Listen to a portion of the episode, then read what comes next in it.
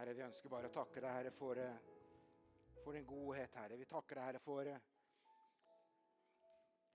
at slik du, du var, Herre, og er for eh, Lars Helge og Elisabeth, Herre, så, så er du for oss, Herre. Du er til stede, du er ikke fraværende, Herre. Du glemmer oss ikke, du forlater oss ikke, Herre. Du vender ikke oss ryggen, Herre. Du blir ikke sliten. Du blir ikke lei av oss, Herre. Men du er vår frelser, Herre. Du er vårt borg. Du er vår festning. Du er den Herre som holder oss oppe, Herre. Herre, vi priser og ærer ditt navn, Jesus. Fordi du er alt dette for oss, Herre. Herre, jeg ønsker bare å ære ditt navn, Jesus. Halleluja. Halleluja.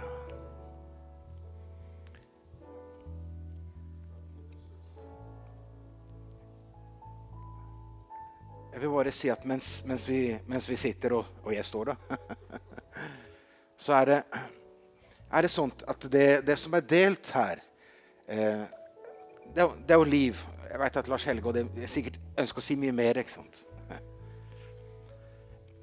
Men det har noe med dette å invitere Jesus inn i livet. Det har, har det å ta sin tilflukt.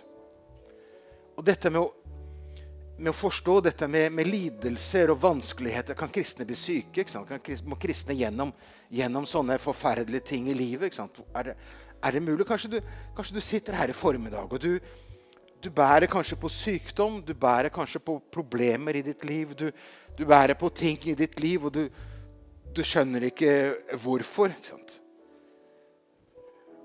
det samme kan Lars Helge. Han kunne stått her og egentlig hatt en klagesang på livet.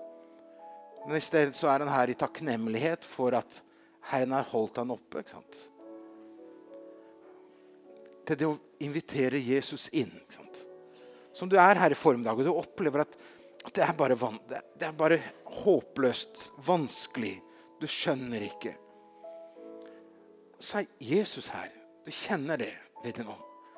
Han ønsker å være den som holder deg oppe. Ikke for fordi du på en måte føler på at dette skal gå, eller et eller annet greier, men fordi Hans ord står evig fast. Hans løfter. Ikke hva, hva, du mener, eller hva du tror, eller hva du klarer å holde fast ved. Men Hans ord står fast. Han ønsker at det skal være et anker for ditt liv. Han ønsker å være den som skal være det, det styrke i ditt liv. Så kan vi be nå sammen, og så du kjenner noe i ditt liv og ditt hjerte, så i en håpløshet eller vanskelighet, så legger du det innenfor Herren nå. Eh, om du ønsker forbønn, så kan du få lov til å komme fram eller bare rekke opp din hånd der du sitter. Så er vi med og ber for og med hverandre, for vi er innenfor en Herre som er levende. En Herre som er god, som kjenner oss. Ja, himmelske Far, Herre, vi vi er fortsatt innenfor deg, Herre, og takker deg, Jesus, for din nåde.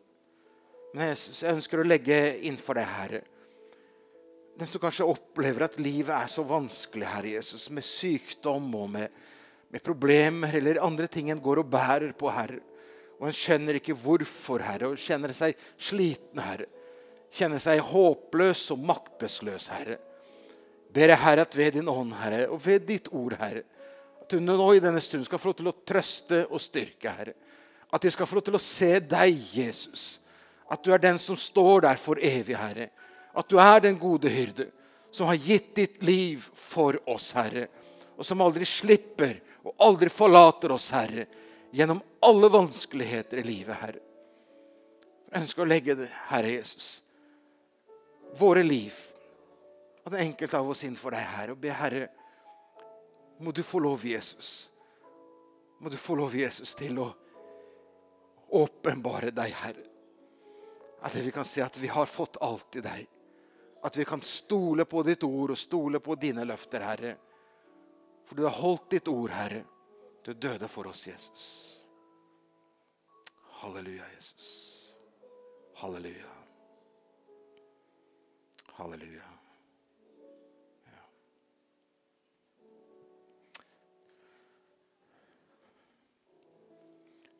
Du lurer på, kanskje på hvor ble det av preken? Ja. Jeg vil først bare si Jeg skal ikke preke. Jeg skal si noen ord våre. For jeg kjenner at det er eh, Man opplever Herrens nærvær, og, og, og noe er delt her som opplever fantastisk. Men jeg vil først også si velkommen til dere alle som reiser til Mosterhamn på påskeferie. Det er noen familiefolk her. ikke sant? Folk som kommer hit. Sånn. Så det er jo ikke så verst. Noen drar på fjellet, andre drar på Moster på påskeferie. Og velkommen er dere. Eh, og håper dere får en fantastisk høytid. Og velkommen til dere alle i menigheten her òg. Vi, vi, er Det er vårt Om en måneds tid så skal vi feire grunnlovsdag og skal vi feire vår frihet som vi har i dette landet. Men det er ingenting sammenlignet med hva disse dagene betyr for oss som menneskehet. Det er vår frigjøringsdag. Første pinsedag. Eller beklager påskedag. Det er vår frigjøringsdag. Fordi vi er fri. Ikke fordi noe mennesker har gjort, men fordi det Jesus har gjort. Vi er det. Og det er så vanskelig for oss å forstå. At Paulus han ber for de kristne i Efesus. Her må du gi dem, dere, hjerteopplyste øyne, så dere kan forstå hvilket håp han har kalt oss til. Fordi det er bare ubegripelig, hele forsoningen. Eh, jeg hadde her som som hovedtekst. Du kan bare få det opp i Jesajas 53, vers 5. bare. Som sagt, Jeg skal ikke preke, du tror kanskje, men jeg skal si noen ord. Der, der, der står det den hva profeten sier 700 år før Jesus kom. Så står det men han som ble såret, men han som ble såret for våre lovbrudd, han ble knust for våre synder. Straffen rammet han for at vi skal ha fred. Og ved hans sår har vi fått legedom.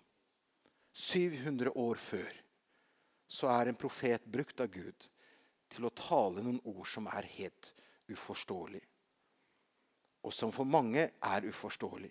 Jeg delte noe av dette med ungdommen på fredagen. Jeg og Rino hadde ungdommene.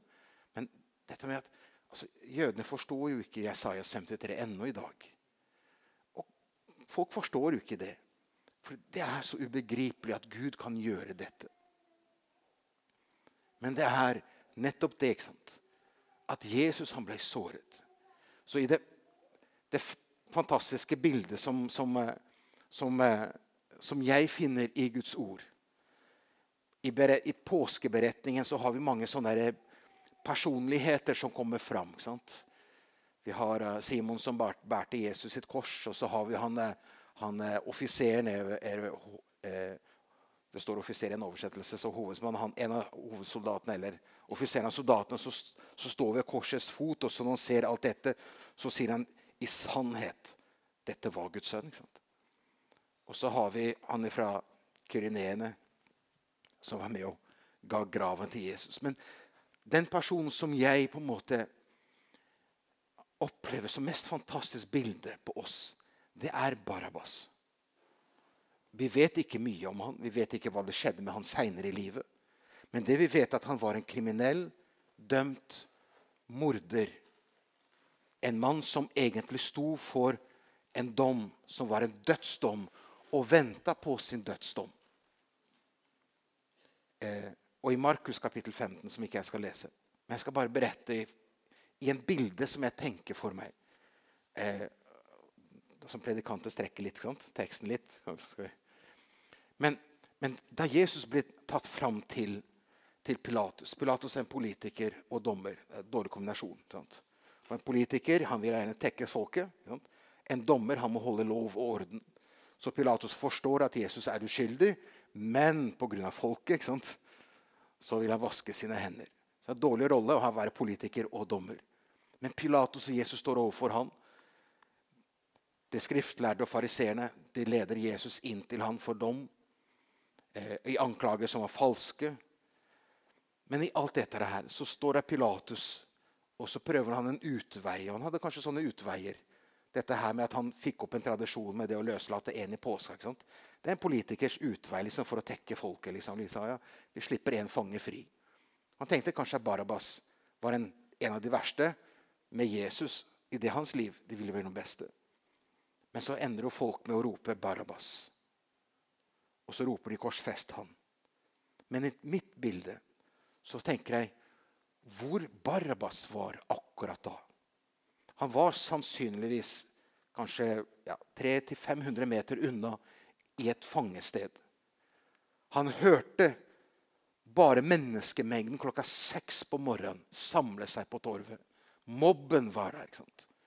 For dette skulle være dødens dag for han og hans sine kamerater som satt i cella. Og mens han hører mobben kommer, så er det Pilatus som står fram, og han hører kanskje ikke stemmen langt unna. For alle mennesker som står og babler. Så hører han bare et stort rop. Barabbas, Barabbas, Barabbas. Og så står det etterpå Pilatus igjen og sier vil dere velge Kristus, Jesus eller Barabbas. Så sier Barabbas, og så sier han hva vil dere at jeg skal gjøre med da jødenes konge? Så roper de korsfest han korsfest han. Så Barabas han hørte kanskje bare ordet Barabas, Barabas. Korsfest han, korsfest han. Og jeg ender med at han hører soldatene kommer ned. Jeg tenker meg at hjertet slår. Flodtrinnet er der. Soldaten bare river opp døra og så sier han, 'Barabas, du er fri.' Du er fri. Han venta på dommen. Men du er fri. Du og jeg er Barabas. Vi er alle står uten ære for Gud. Vi er alle dømt hvis ikke Gud gjør eller gjorde noe for oss. Og idet Barabas kommer ut Det må ha vært det mest ubegripelige øyeblikket i hans liv. Da han ikke skjønner bæret av hva som har skjedd nå. Jeg veit ikke hva han gjorde. Det står ingenting. Det finnes ikke tekster. Det finnes beretninger. Men jeg ser for meg at Barabas selvfølgelig ble nysgjerrig. Der han sier, 'Hvem er det som tok min skyld?' Hvem er det som tok min skyld? At han kanskje sto langt unna når han ser kortesjen, og så ser han de tre korsene som er der på Golgata. og Kanskje står litt langt unna for ikke stå så nærme og se kameratene sine henge der på korset. Kanskje står litt langt unna meg, så ser han det korset i midten. Det var mitt. En fremmed henger på mitt kors. Jeg ba han ikke Jeg har ikke bedt noen å dø for meg. Jeg har ikke bedt noen å gjøre dette for meg. Men der sitter og der henger én istedenfor meg. Det er det Jesus gjør. Han er ikke et offer for vår menneskelig, hva vi gjør. Men han gjør seg til et offer. Han gir sitt liv. Og henger der på et kors. Uforskyldt. Så en morder den dagen går fri, og en uskyldig blir dømt. Om det skulle være noe justismord, så er det jo her. Men det var hele tida Guds plan. At hans sønn skulle dø for deg og meg. Så Barabas ser nå i Jesus. Hans stedfortreder. Han som døde istedenfor han. Jesus ønsker at vi skal se på han der. Fordi når vi ser han som vår stedfortreder, og det kommer opp i våre hjerter og vår forståelse, så kjenner vi at jeg er fri. Jeg er fri ifra min dom og min skyld som menneske overfor Gud. Ingen fortapelse. Frelsen i Kristus. Jeg er fri.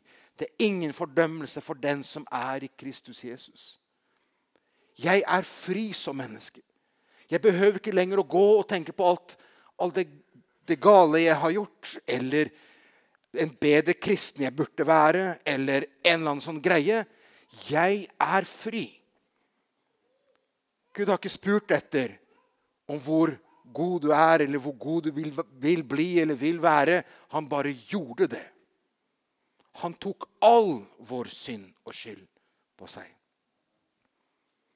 Det er det påsken handler om. Og igjen vi trenger Guds hjelp for å kunne se Jesus der. For Noen ganger så mister vi Jesus av syne. Han er der vår forsoner. Han er, han er, der på korset. Men så blir vi så opptatt av, av Vi skal liksom Våre greier og våre ting. Og, og så selvfordømmelsen. Jeg, jeg fortjener ikke dette. For jeg, jeg tenker slik, eller jeg gjør slik, eller jeg gjør et eller annet greie, og jeg skulle vært bedre der eller der. Så tenker vi disse tankene, og så skjønner vi ikke at objektivt Vi er fri Kristus. Men vi har noe her som Jesus må rense. I en liten, i en liten by på 70 000 mennesker i Brasil, da vi hadde vår utpost der i en by som heter Helle Josef av Egypt, så var det en torpedo, en morder, som ble møtt av Jesus. Han var fryktet i hele byen. Han var den verste ABO. Eh, han kom på møte. Halvparten av menigheten gikk ut av lokalet. Fordi de var livredde. Fordi han kom alltid for å drepe. For han var torpedo. Han var berykta i hele byen. Så jeg merka det var ikke sånn i dag. Det var ingen som gikk ut når møtet begynte. når noen kom her. Men Abia kom. Og i det møtet eh, så kommer han fordi Gud har kalt ham. Allerede dagen før så hadde en av evangelistene våre Villa Verde vært der i en av barene. Og så utfordra han og sa at ja, jeg hører du er den tøffeste her i byen. Ja. Jeg hører at hvis noen eh, ypper seg mot deg, så kan du gjerne ta livet av den. Ja, gjør det. Ja, er du tøff nok til å ta imot Jesus, da? Sånn evangelist, ikke sant? Ja. Og han ble helt sånn derre Hæ? Ikke sant? Rare greier. Så han sier selvfølgelig er jeg tøff nok til det. Det er bare tull. Og. Så sier jeg ja, kom på møte i dag. Skal jeg se om du er tøff nok til det. Så kom han på møte for å vise hvor tøff han var. Men Gud kalte han da. Han er der i møte og opplever Guds nærvær opplever ordet sånn som vi opplever her, så er det, er det som en magnet i våre liv. Den der Guds omsorg og kjærlighet. Å, som vi trenger det. Og jeg trenger Guds nåde. Jeg trenger Guds hjelp.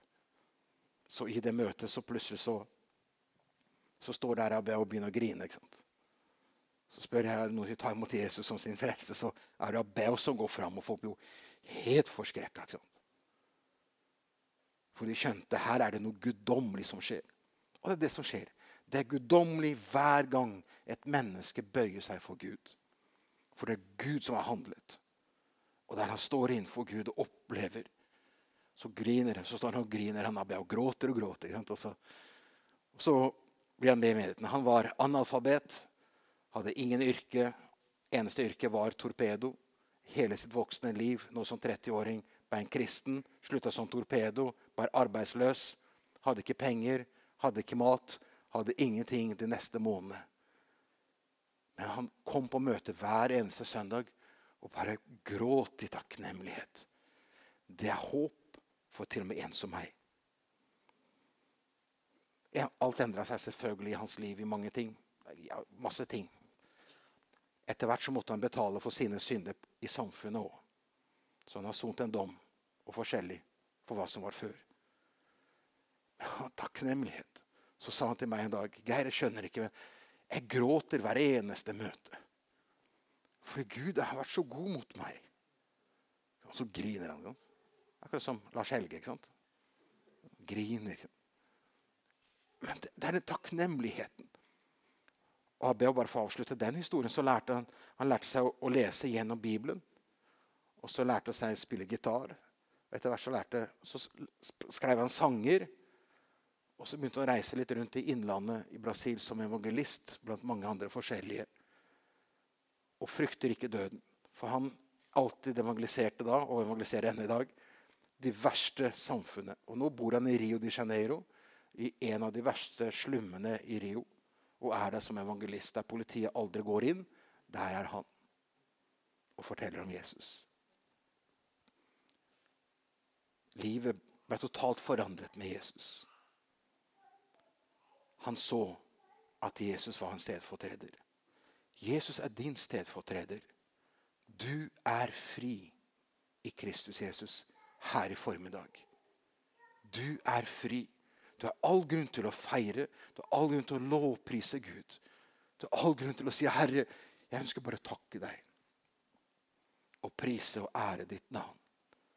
For skyldbrevet er betalt. Våre liv overfor Gud er tilgitt.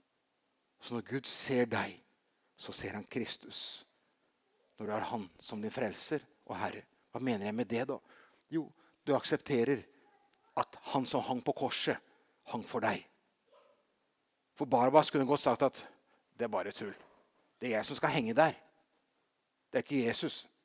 Så jeg krever å få mitt kors tilbake, så jeg kan henge ved sida. Det er ingen som sier det. Men man gjør det med Jesus. Mange mennesker velger bort Jesus og sier det er bare tull. Jeg vil stå for mitt eget liv. Jeg vil stå mitt eget ansvar og skyve Jesus vekk når Jesus har gjort alt. Og Det var referert her i bønn eh, av Morten i Faroma-brevet kapittel 8. ikke sant? Dette om Guds kjærlighet. Når Gud da har elsket oss slik ved Han ga oss sin sønn for oss.